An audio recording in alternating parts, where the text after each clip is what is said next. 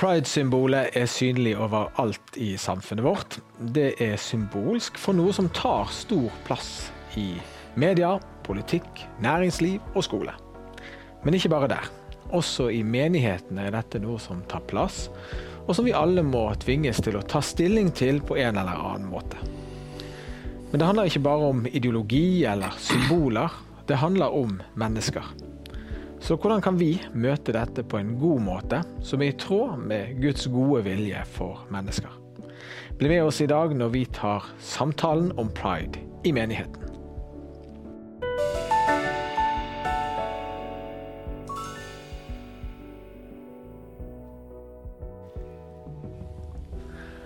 Ja, da har jeg fått med meg Øyvind Svendsen. Velkommen Kjærland Svendsen. Kjærland Svendsen, velkommen til deg. Takk. Noen kan dra kjensel på deg, for du har fortalt din historie eh, litt i media, men ikke så mye. Eh, fortell om eh, det som gjør at dette temaet eh, berører deg. Ja, som uh, ung gutt så kjente jeg på disse litt vanskelige følelsene som hadde med eh, tiltrekning mot eget kjønn. Selv om det var eh, jenter jeg ble forelska i, sånn, så var det allikevel noe med eh, disse fine, muskuløse mannskroppene fordi jeg var tynn og ikke noe sånn veldig attraktiv i egne øyne. Så det var et eller annet som eh, som blei litt vanskelig i forhold til følelsene mine som var rettet mot mitt kjønn. Og, eh, og på den tida, det er jo over 50 år sia, så, så, var det ingen jeg kunne snakke med. Jeg visste ikke noen andre som hadde sånne følelser. Så, så det har vært en lang vandring. Eh, perioder.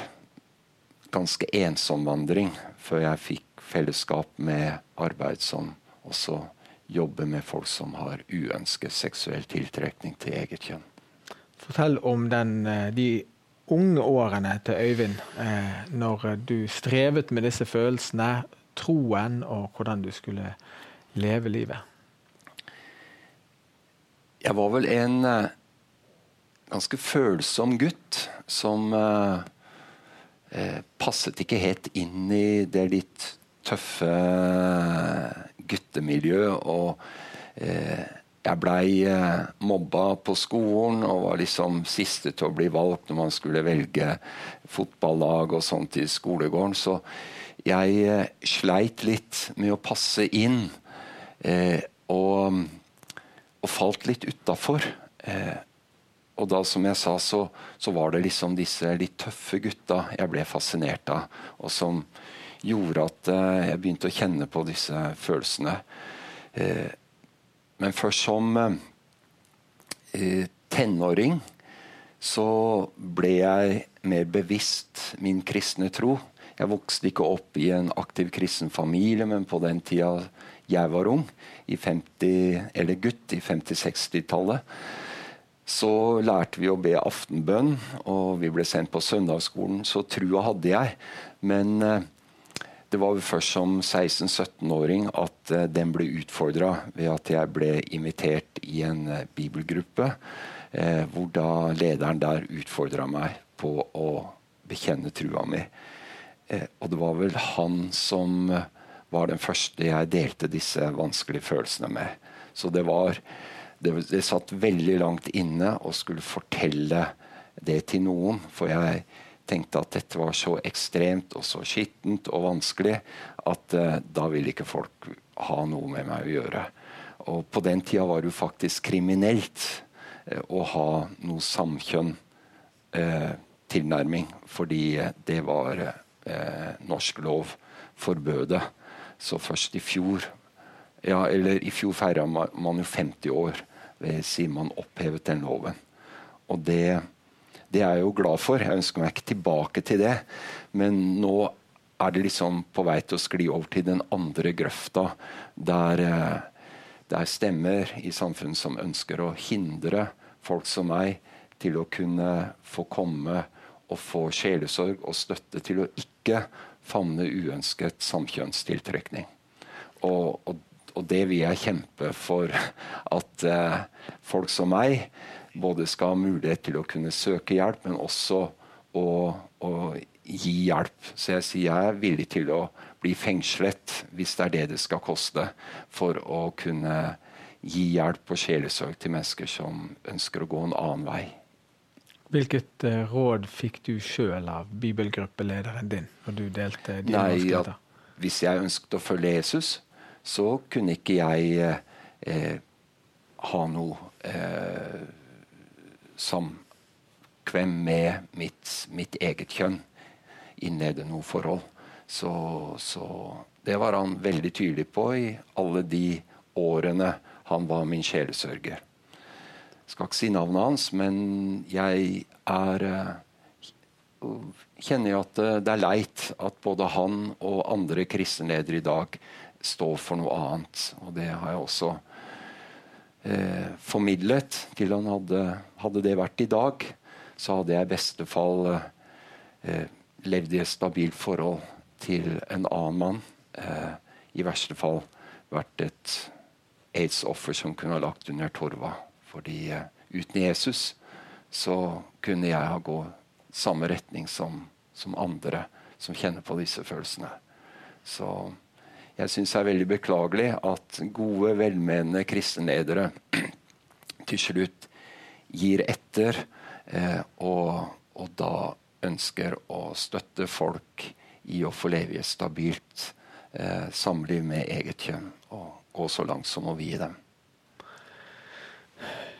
din eh, reise, eh, den, eh, den, der holdt du deg til sølibatet. Var det vanskelig gjennom livet, eller var det lett når du hadde tatt beslutningen? Hvordan var det livet? Jeg, jeg heter Øyvind, og jeg fant ut etter 50 år at det betyr lystig stridsmann. Og jeg tenker jo det passer egentlig godt på den jeg er i dag. Eh, jeg har hatt et veldig godt liv som singel. Jeg har hatt noen korte forhold til kvinner tidligere. Eh, og, og, jeg har eh, tatt ut veldig mye av den friheten ved å kunne være singel. Jeg har reist mye, vært engasjert med Mercy Ships, ungdom i oppdrag. Så jeg har farta rundt i veldig mange land. Fått lov til å investere eh, mitt engasjement i andre menneskers liv. Og det har gitt meg masse tilbake.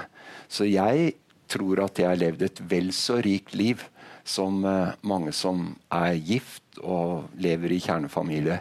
Eh, og jeg kunne ha fortsatt dette livet eh, som singel og levd i sølibat. Det var et godt liv for meg. Derfor vil jeg absolutt være med å løfte singelstanden som sammen med Paulus, som sa 'gi dere alle var som meg', eh, og han var singel. Fordi det er noe vi kan få gjort og investert i Guds rike og i samfunnet som, eh, som blir vanskeligere når man har familie å ta hensyn til. Var det noe tidspunkt underveis at du eh, lurte på om du skulle bare gi det opp og, og gi deg hen til disse lengslene? Det var det absolutt. Eh, jeg må jo bare si det at eh, Gud har vært så trofast. Fordi jeg har ikke noen spesielle kvaliteter i meg som skulle tilsi at ja, men dette her går greit for Øyvind.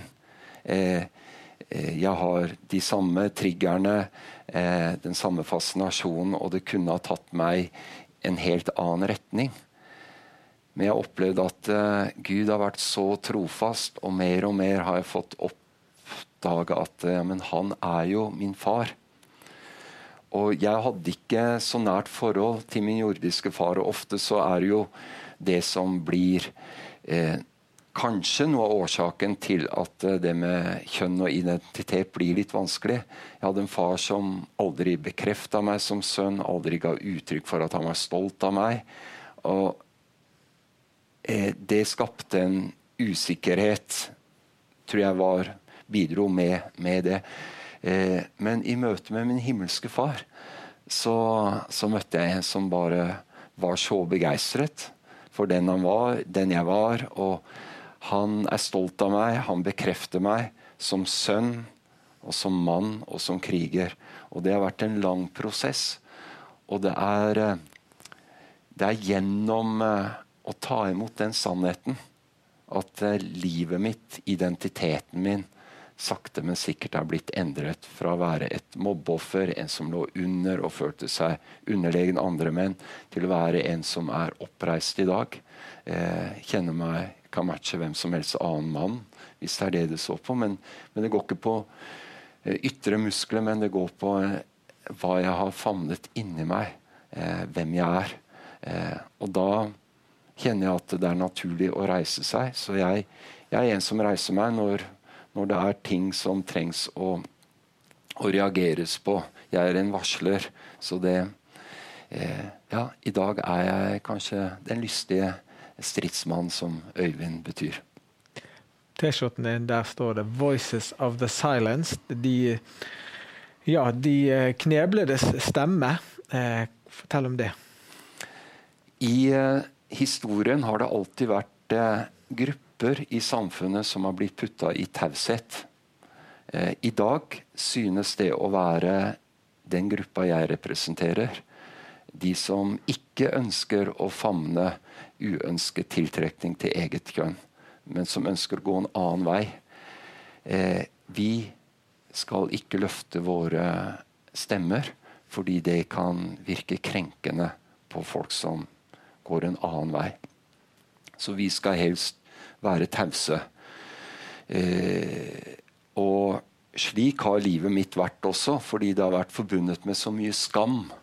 Eh, og med skammen så blir du taus. Og, og, så nå i dag kjenner jeg at eh, jeg er et helt annet sted. Eh, jeg kan løfte min stemme. Og jeg løfter min stemme på vegne av veldig mange. Jeg tror det er mange flere der ute som kjenner på en tiltrekning til eget kjønn, men som ikke ønsker å famne det. Men som kanskje heller ikke får noe klart tilbud fra menigheten og de kristne sammenhengene de er med i. Så 'Voices of the Silence' det er eh, en del av en, eh, en bevegelse i Europa der eh, kristne terapeuter, uh, sjelesørgere, kristenledere kommer sammen en gang i året og kjemper for retten til å få gi mennesker støtte og hjelp uh, til å gå en annen vei i dette spørsmålet. Uh, så man kan gå inn på Voices of the Silence og se Eh, dokumentar som er lagt ut der bl.a. jeg deler litt av mitt vitnesbyrd, og flere andre i Europa deler sitt vitnesbyrd. Dette blir brukt i forskjellige sammenhenger i europeiske land og høyskoler og, og steder. For eh, knapt fem år siden så skjedde det noe veldig hyggelig i livet ditt. Du må yes. fortelle. Ja, da giftet jeg meg. Og jeg sa at jeg hadde et godt liv som uh, singel og kunne fortsette med det. Men far, han ønsket det, min himmelske far ønsket det annerledes. Og jeg har jo hele tiden ønsket å, å, kunne finne en kvinne å dele livet mitt med. Og jeg har vært forelska i en god del kvinner, men det har liksom aldri klaffet. Men for eh, drøye fem år sia så traff jeg denne flotte dama som faktisk kommer fra Vestlandet. Eh, og det gjorde noe med meg med det samme jeg så henne. Eh, det tok noen år før eh, hun eh, var klar. Men eh, da gikk det ganske fort. Og jeg opplever at Guds trofasthet til sine løfter om at når du søker Han og Hans rike først, så får du alt det andre i tillegg. I møte med Gunhild så har jeg fått så mye mer enn det jeg kunne be Gud om. Og vi har det så godt sammen på alle områder av ekteskapet, og det er viktig utrolig fint og interessant å høre din historie. Eh, så kjekt med Gunhild. Vi skal straks få inn eh, to til, men vi har tatt en tur ut på gaten. Eh, for pride det er noe som alle har et forhold til og et engasjement. Og nå kan du der hjemme få høre hva folk på gaten sier når vi spør dem om pride.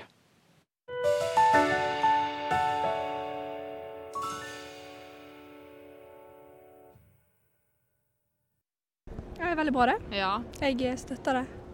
Ja Det er bare 100%. bra, det. Ja. Bra at det kom frem i de siste ti årene. Ja. Trengtes. ja. Jeg er veldig for pride. Eh, jeg uh, syns det er veldig bra det de gjør. Eh, og jeg, eh, jeg føler ikke de eh, ber om for mye plass heller. Eh, de ber bare om den eh, noe oppmerksomhet rundt det at eh, eh, Noe oppmerksomhet rundt at det har vært veldig trøblete tidligere, og at de fremdeles kjemper med å få ting likestilt, og at eh, folk har bare lyst til å være den de er. Det er jeg veldig for. Jeg tenker at jeg, jeg trenger ikke å mene så mye om det. Jeg tenker at det kan få lov å gå sin gang. Og så trenger ikke jeg å egentlig eh, tenke så mye på det. Eh, Jeg er en 100 støtter av pride. Jeg er en 100% støtter av deres rettigheter òg. Jeg kommer aldri til å fire på det. Og jeg syns at nå må samfunnet ha bevega seg så langt at vi må slutte å se på det som noe sært, men se på det som en rettighet og noe man faktisk er født til. Det er ikke noe man kan gi behandling for å forbedre. Du må ha meg unnskyldt.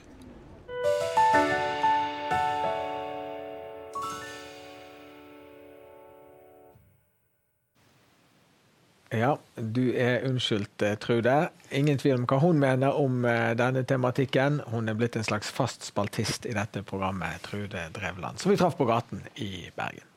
Jeg har fått med meg to fine gjester til. Linn Myhr, velkjent her fra programmene våre, velkommen til deg. Takk for det. Og Runa Gjertsen, velkommen til deg. Tusen takk for det. Ja, Vi begynner med deg, Runar. Du er bibelskolerektor. Eh, Du og din menighet, Kristen Fellesskap i Bergen, har hatt eh, mye med denne tematikken å gjøre, bl.a. gjennom VG sin serie om dette for noen år tilbake. Når du hører eh, Øyvind sin historie, hva tenker du om det? Er det gjenkjennelige ting fra de menneskemøtene du har hatt? Ja, helt klart. Er, nå skal det være sagt at det er jo mange, mange ulike historier, og sånt, men det er mange elementer i det Øyvind sier som er veldig gjenkjennbart. Eh, både, av, eh, både av den siden som har med å møte Jesus som sin far, og, eller Gud som sin far, og den opplevelsen av at det er det som holder og står. Det er fantastisk. Og så ikke minst òg den siden som har med at eh, menigheten som familie har uh, ulike sider av både styrker og ikke minst svakheter. Så det, så det er helt klart. Hvordan møter du uh, dette i din hverdag som eh, leder for de unge og engasjert i temaet? Ja. Det er stort tittel leder for de unge. Så, men jeg, jeg, gjennom Bergen bibelskole, som jeg er rektor på, så, og at jeg reiser litt rundt, så, så møter jeg først og fremst mennesker som enten kjenner sjøl på annerledeshet i, på det seksuelle området, eller som eh, ønsker å finne gode svar som holder seg i møte med livet, enten på vegne av seg sjøl eller andre som de kjenner. Eh, og da, eh, da har det vært veldig rikt må jeg innrømme, å få oppleve at man får høre så mange historier det, som utfordrer min egen vandring med Gud og mitt eget bibelskolevirke. Det er òg en side. sant? Man, man ønsker å møte folk som eh, og peke på Bibelen som eh, høyeste mål. Jesus som høyeste mål for, for livet med, med Gud. Og da eh, tenker jeg at sånne historier utfordrer og hjelper oss godt. Treffer du folk som gjør som Øyvind? De kjenner på disse følelsene. De velger å leve annerledes. Og også folk som velger å leve sånn som tiden forventer at de skal leve. Leve ut disse lengslene.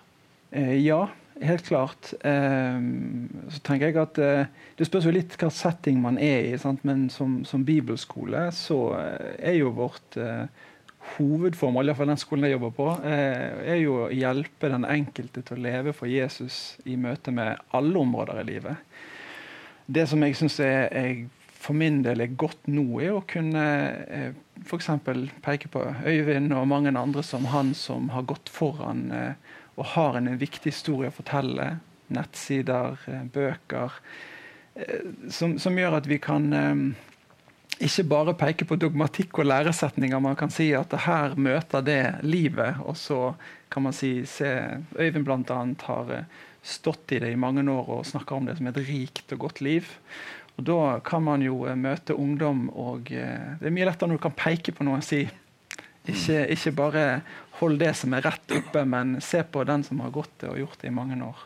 Så det er helt klart. Og så møter du selvfølgelig disse som syns det er en spenning i, i, det ene man hører gjennom skolegang, gjennom venner, som sier noe annet enn det Bibelen sier. Eh, og så står man i det spennet der.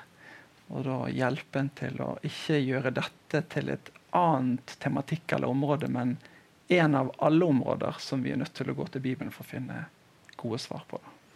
Når du var ung, Eivind, var det bibelskolerektorer som engasjerte seg i dette temaet og gjorde det de kunne for å møte unge med homofile følelser, f.eks.? Først, Du har jo ikke presentert meg eh, hvem jeg er. Ja. Skulle jeg si det?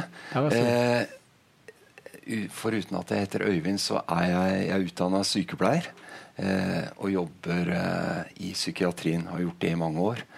Bl.a. på Lovisenberg har jobbet som diakon i Den norske kirke tre år eh, oppe i Ishavskatedralen før jeg begynte å reise ute med Mercy Ships og ungdom i oppdrag. Og da har jeg levd eh, Jeg fant ut storparten av livet mitt som en nomade og bodd to år eh, per boenhet eh, maks. Eh, inntil jeg landet på Mortensrud, der jeg bor, og etter hvert gifta meg med Gunhild. Så livet mitt har vært ganske sånn fleksibelt. Men det har også gjort at eh, det har vært et spennende liv. Ja, og når du var ung, da var det ikke så mange som var opptatt av dette. Nei, nei. Ingen som, eh, ja, Få i hvert fall, som eh, hadde noe å tilby. Jeg er heldig og går i en menighet nå, eh, Oslo Vinjard, som eh, i hvert fall eh, tok imot Living Waters og hadde kurs og og ting med Living Waters innafor menighetens regi. Så det var i hvert fall et ønske om å komme i møte. Men ellers så vil jeg si de over 50 årene jeg har vandret i eh, kristenlandskapet, så er det vel ingen menighet som jeg kan si som jeg opplever at eh, de har møtt eh, min problematikk, eller hva jeg skal kalle det, på en måte som gjør at eh, jeg kjente at her blir jeg møtt. Her er det noen som eh, vil vandre sammen med meg.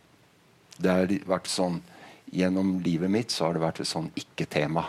Jeg til å begynne med så trodde jo Jeg visste ikke om det var noen flere enn meg som hadde disse følelsene. Så, så det har jo vært en ensom vandring. Men det er i hvert fall endret i dag, i og med at det er så åpent. Man kan snakke om det i hvert fall. Oslo Vinja, det er din menighet. Elin, ja. hva tenker du om eh, historien til Øyvind og det å ha eh, menighet med det engasjementet? Jeg syns det er så fint og så godt.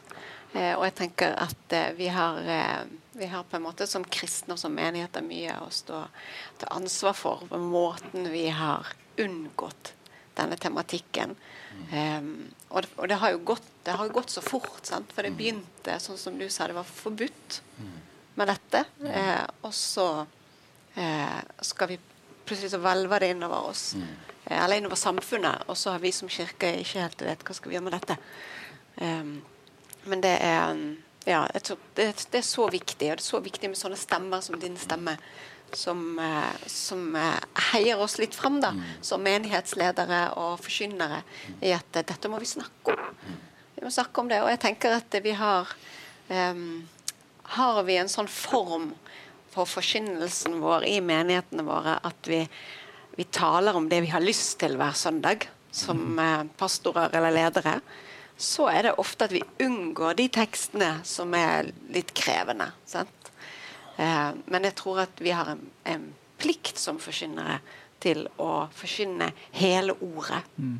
Eh, så jeg tror jo at det er kanskje et sted vi har feilet da, som menigheter ved å ved å unngå å forkynne hele ordet. Hvis vi forkynner gjennom Det nye testamentet, så hadde vi kommet innom denne tematikken mange ganger som forsamlingen hadde trengt.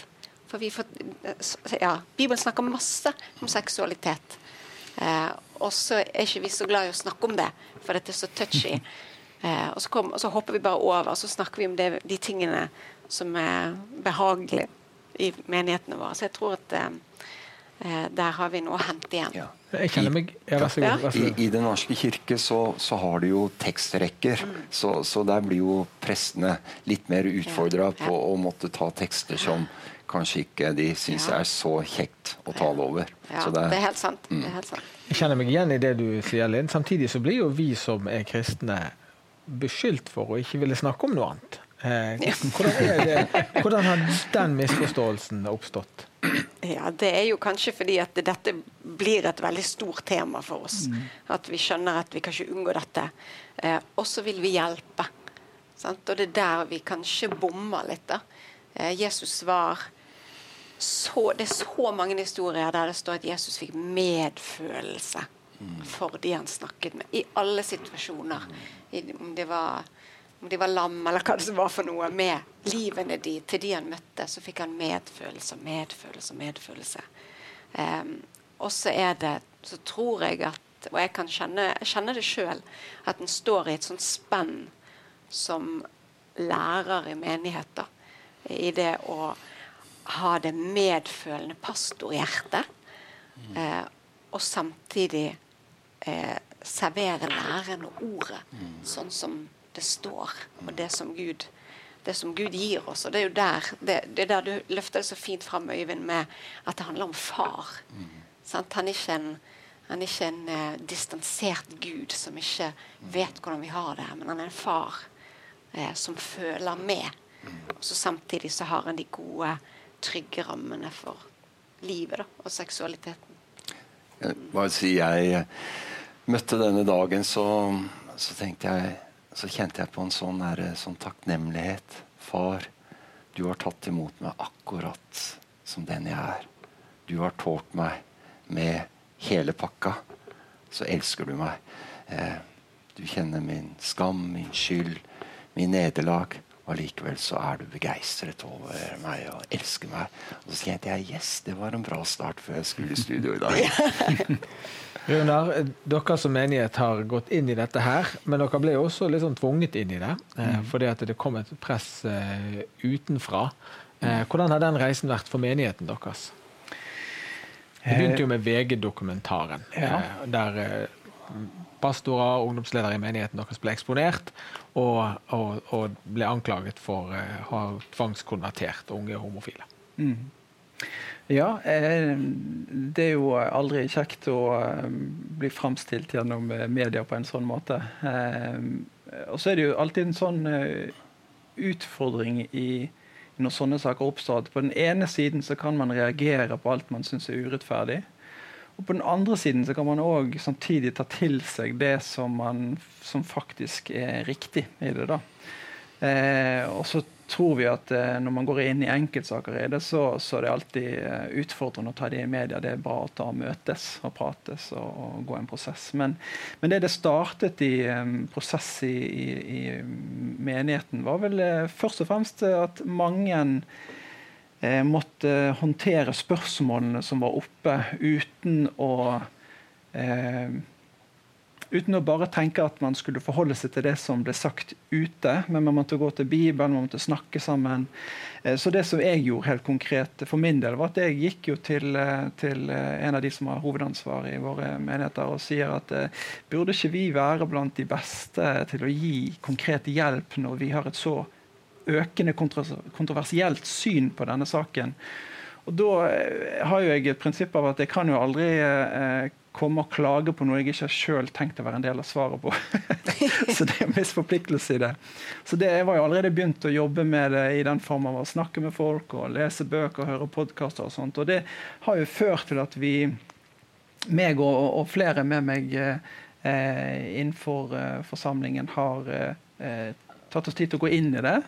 Men det har jo ikke vært en opplevelse av at vi har landet på en annen konklusjon teologisk eller et annet syn på ting. Men det, er nok en større eh, tanke om at, eh, at eh, hvis endemålet for prosessen av å gå en vei sammen med noen handler om å elske Jesus mer, og bli mer begeistret for å følge Han i alle områder av livet, og ikke heterofilt liv, så vil den, den, medvandringen se helt annerledes ut.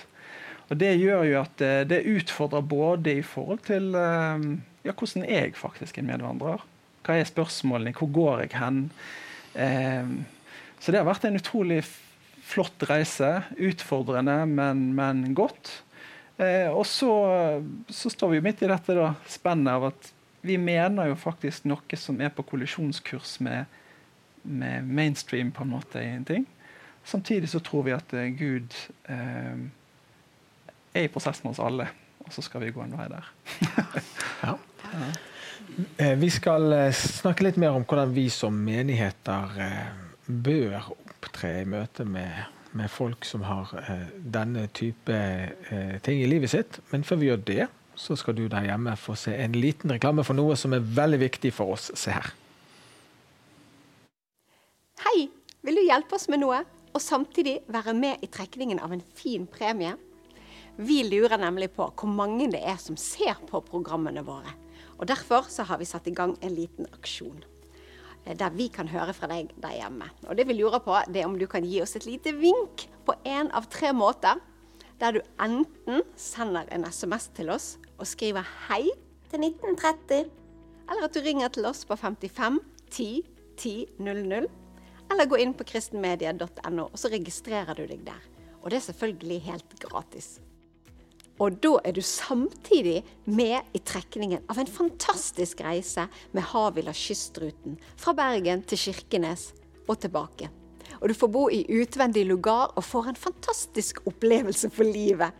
Premien har en verdi på 23 000 kroner, og du kan reise sjøl, eller du kan gi den til noen andre.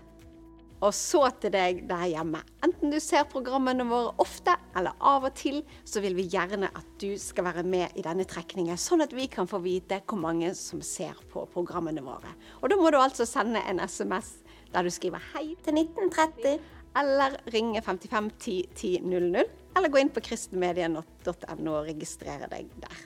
Og den 6. juni, da skal vi avsløre hvem som vinner denne premien. Og kanskje er det akkurat du. Ja, vi håper du eh, følger oppfordringen til Linn der, og eh, gir oss et lite vink, så vi vet at du er der ute. Helt konkret, Øyvind. Eh, når noen i dag opplever at noen kommer til de i menigheten eller som kristen og forteller at de har følelser og lengsler som de vet er i strid med Guds ord, eller de lurer på om de er det. Hvordan skal vi som kristne møte folk i den situasjonen? Du har jo din egen erfaring. Ja. Jeg tror det blir viktig å ikke fokusere primært på, på de her homofile følelsene. Men at her er det et, eh, et flott menneske som kommer og, og, lurer på om de skal ha kontakt med oss. Eh, et elsket eh, barn av vår himmelske far. Og, og da, da, tenker jeg vi må bare vise raushet. Vi krever jo ingenting eh, for at de skal kunne komme. Og, og, hvis de spør hva vi mener om det, eh, så må vi jo være ærlige på det. Men hos oss skal du kunne få komme som den du er, og finne din plass. Og, og vi ønsker å vandre sammen. Vi har forskjellig brutthet på alle områder.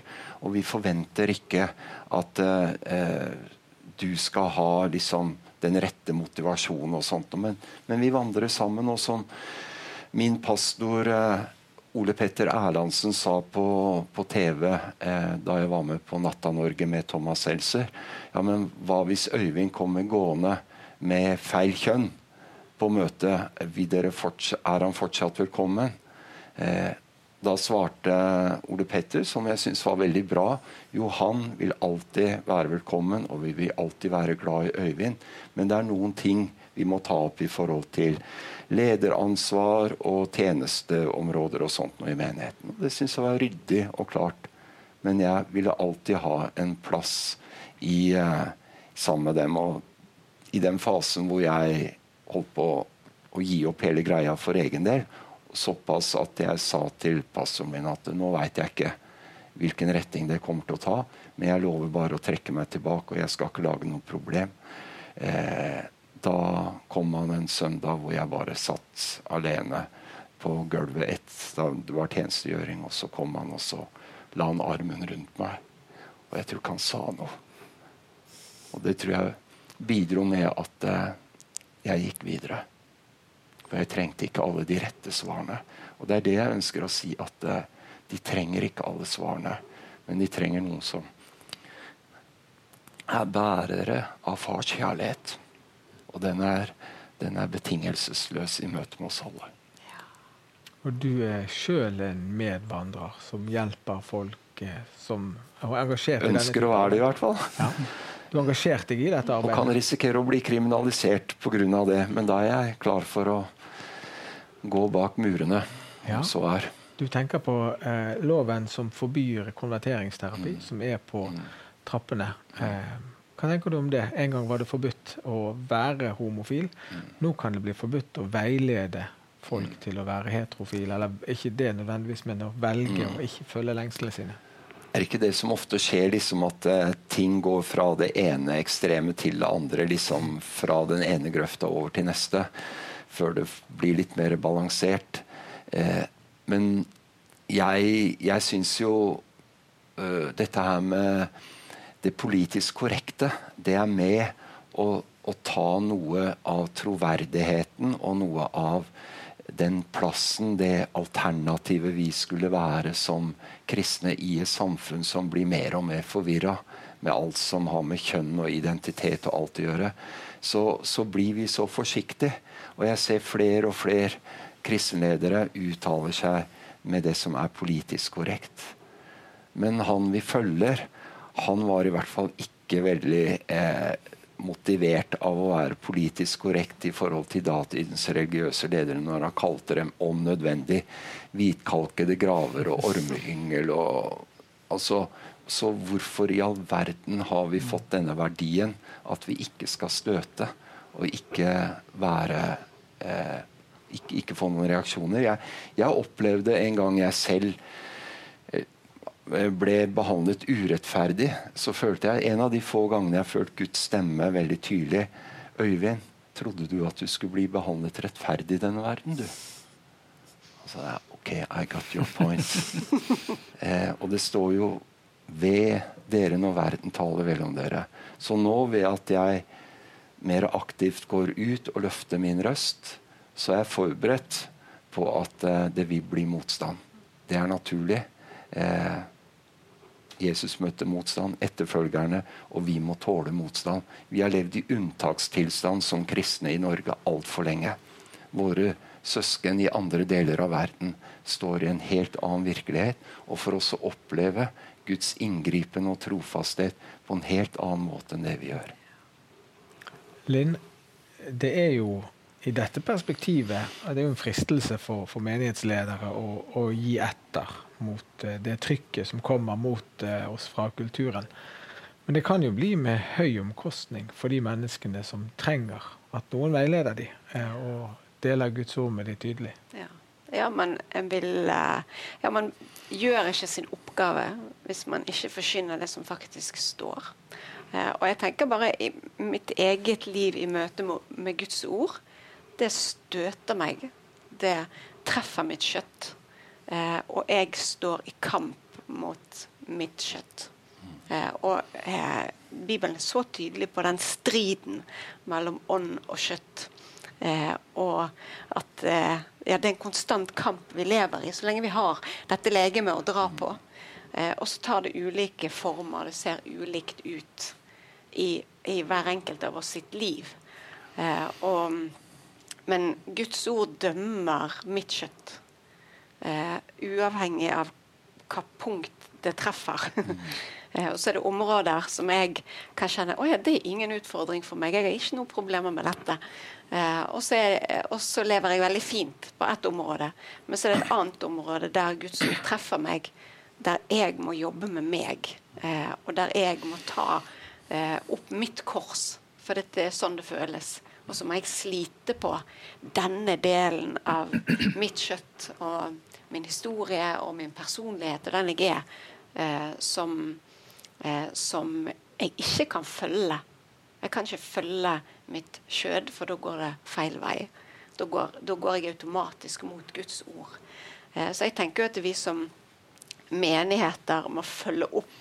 Og, ja, bare Jeg synes det var så fint sånn som du snakker om Ole Petter, som var tidligere pastor i, i Oslo Vinjard, som satt med deg i det vanskelige. Eh, og jeg tenker Det er der vi må være, fordi vi har alle våre ting. Og vi må være sånne menigheter som er sånn at når folk kommer inn og setter seg i, på stolene i vår forsamling, så skal de merke og kjenne det at her, er det, her skal alle være i bevegelse. Vi er alle på vei til å ligne mer, mer på Jesus. Mm. Eh, på alle ulike felt så trenger vi å slipes og formes til å bli mer lik han. Mm. Og at vi er et fellesskap som holder på med dette. Og så har du din utfordring, og så har jeg min, og så står vi side om side, og så støtter vi hverandre, bærer hverandres byrder. Og så eh, skal vi vokse i at jeg har før kjempet jeg den kampen. Nå er jeg faktisk ferdig med det. Nå holder jeg på å kjempe dette i mitt liv. Og så vokser vi sånn, alle sammen. Eh, og så tror jeg Jeg tror jo ikke vi blir ferdig før vi kommer hjem. før vi er ferdig her.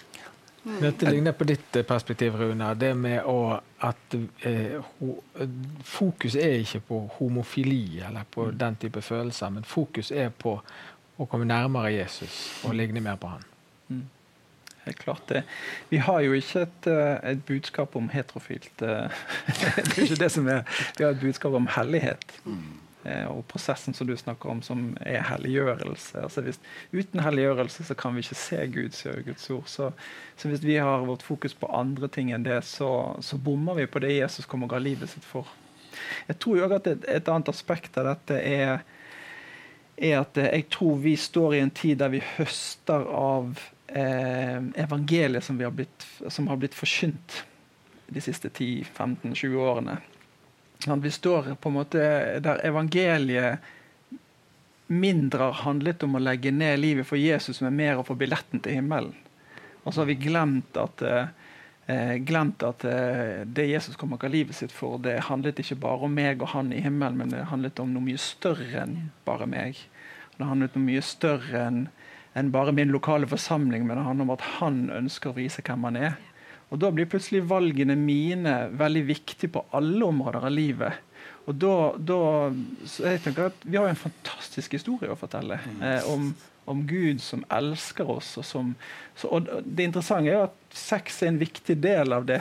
Eh, fordi det var en av de første tingene Gud sa til Adam og Eva. Bli mange. Mm. så, så, så, det, så, det, er en positivitet, egentlig. Men så har vi hatt en tendens til å ikke fortelle den positive historien med å dø for oss sjøl, som du sier, som endemål. Eh, men friheten ligger jo faktisk der, som du syns du Øyvind også setter så godt ord på. Det, det koster, men prisen er liten i det store bildet når man har mer enn dette livet for øyet. Og Det tenker jeg er en historie vi trenger å fortelle til ungdommene som vokser opp. og som er kanskje den største um, utfordringen jeg ser når jeg møter ungdom og unge. var Forrige helg var jeg og underviste en konfirmantgjeng. Veldig fin gjeng. Og så skal man egentlig tegne opp et nytt verdensbilde fordi Bibelen har en annen fortelling. Og det er der man må begynne. Så, så det, um, det, er heldigvis eh, står det at det er Jesus som vinner fram. Det er han som skal hente en brud som vinner, som det står. Eh, Øyvind, du er som jeg sa i sted, engasjert i saken og i arbeid som er relatert til dette. Og på Grimerud skal det være en samling nå 13. til 15. april eh, som heter 'Til mann og kvinne'. Eh, ja. Og eh, den er åpen for ledere, andre som eller folk som kjenner et kall til tjeneste innenfor dette området. Stemmer det? Ja. Så det eh, Jeg bare har lyst til å si det. Eh, første gangen jeg eh, hadde Gunhild i armene mine liksom, da vi fant ut OK, vi skal eh, Nå, nå blir vi kjærester. Så, så var det akkurat det ordet som kom. Til mann og kvinne skapte han dere. Så kjente jeg yes. Jeg det var et eller annet der. Jeg, jeg kjente en sånn eh, god opplevelse av å være en mann. Jeg hadde denne flotte kvinnen i armene mine. og Det var litt sånn som å komme hjem. Så det temaet til mann og kvinne eh, blir eh, tatt opp på konferansen på Grimerud 13. til 15. april. Og det er Til helhet som arrangerer det. Og det vil være foredragsholder både fra ut- og innland eh, som, eh, som, kommer til å dele. Og det, det er eh, fokusert mot da kristenledere og andre som ønsker å møte mennesker som har utfordring på dette området. Det er fortsatt plasser som man kan henvende seg til eh, Grimerud eller til Helhet og melde seg på eller få mer info. Ta med den appellen der, Øyvind. Nå får vi en andakt, vi, fra pastor Daniel Sebjørnsen. Se her.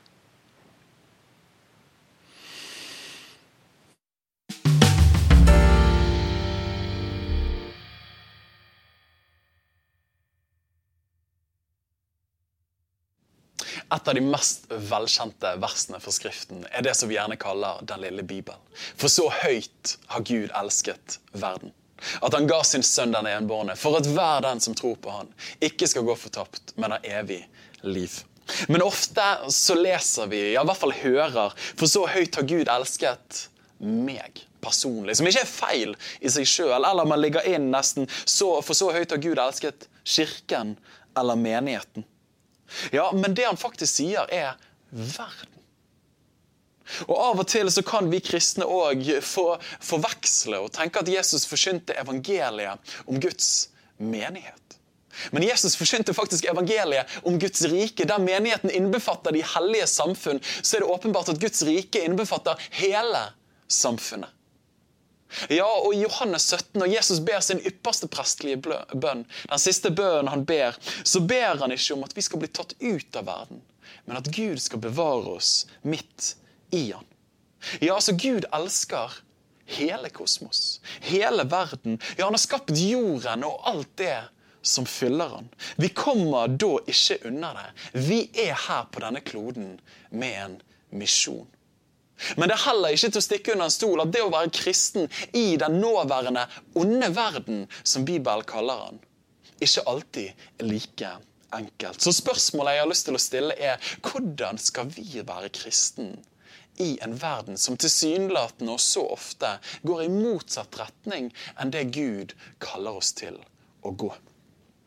I Skriften så møter vi to røde tråder av tekster som adresserer den troendes liv i verden.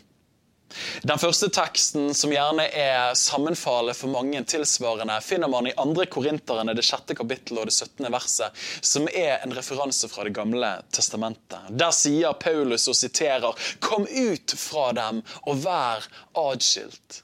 Altså come ye out and be separated. Som handler om det å trekke seg unna for å være sammen med de hellige og det som er rent og til Guds behag. Men så møter vi andre tekster, som fra Jeremia, det 29. kapittelet og det 7. verset, der profeten sier Søk byens velferd og fred som dere har blitt ført bort til. Be til Herren for den, for når den har framgang, skal dere ha framgang og fred. Det er altså spørsmålet hvilke av disse tilnærmingene skal vi velge? Jeg tror at vi kristne fort faller i én av to grøfter. Den første kaller jeg assimilasjon. og Det betyr helt enkelt å bli gjort lik. Man blir da så temperert og tilpasset omgivelsene at til slutt så er man gjort helt lik de.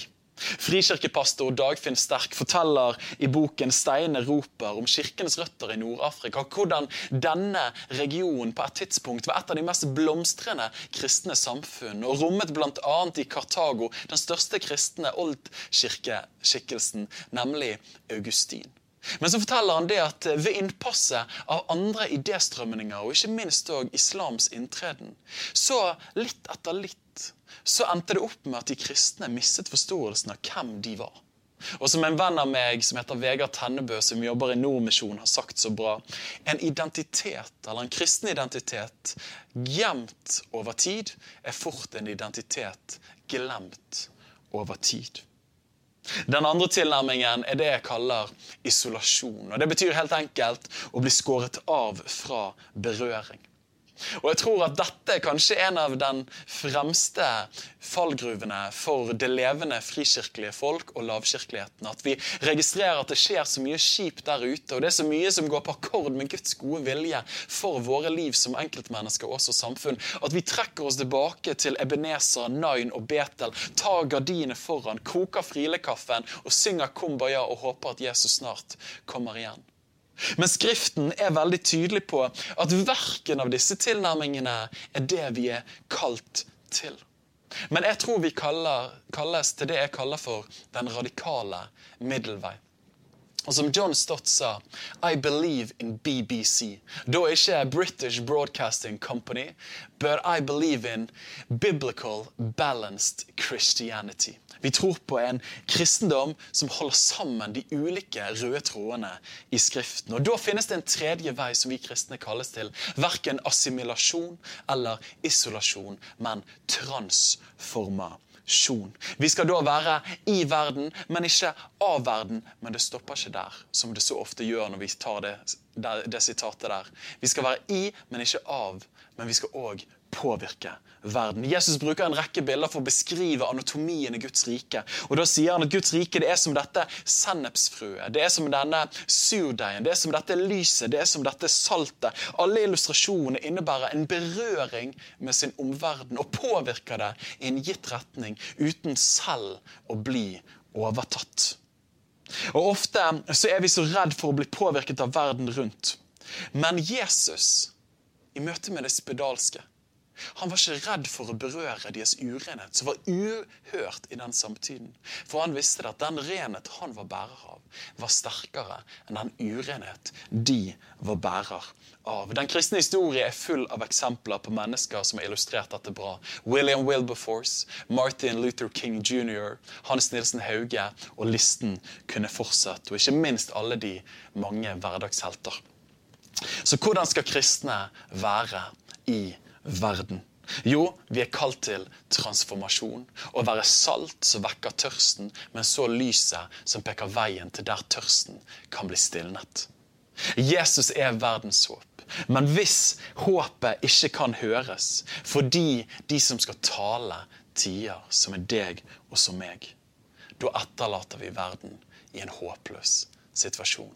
Så mitt personlige bibelvers i møte med samfunnsengasjement har blitt Efeseren 4.15. La oss derfor tale sannheten i kjærlighet, så vi kan nå opp til Han som er hodet, og som gjør dette fullkomment, nemlig Kristus Jesus.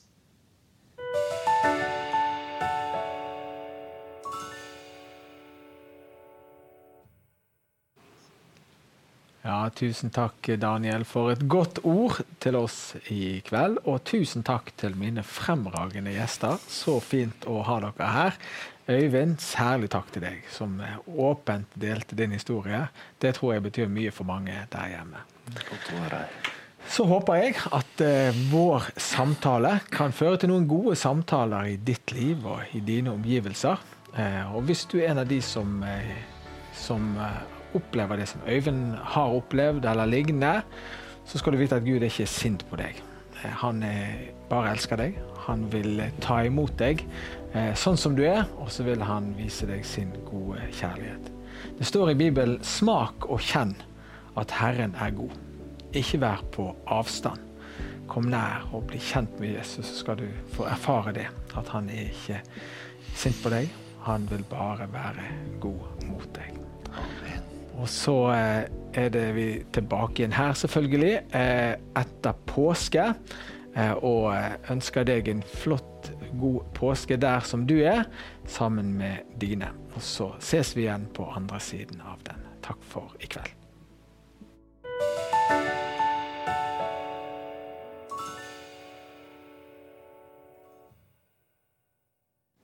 Noen ganger handler samtalen om ting som kommer nært inn på livet, og som kanskje berører deg og ditt liv. Da kan det være du tenker dette skulle du ha snakket med noen om. Det finnes heldigvis noen som kan hjelpe deg, og her kommer en liste med trygge kristne samtaletjenester rundt om i landet, som gjerne tar imot deg og ditt behov.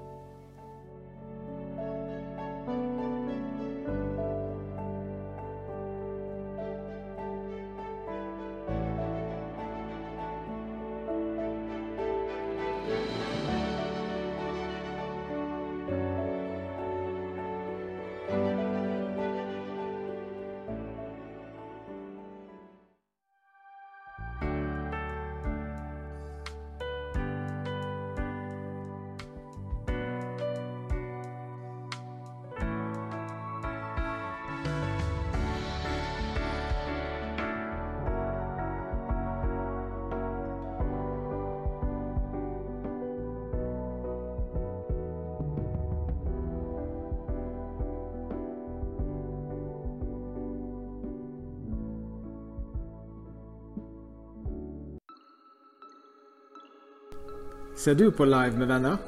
Det burde du.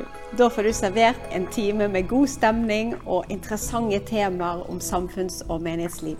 Og ikke minst trosstyrkede refleksjoner fra Bibelen. Det hører også med. Du er så velkommen til å henge med oss på tirsdager klokken ti. Live med venner sendes på Facebook, på Kanal 10 og på Bedehuskanalen. Da ses vi på tirsdagene.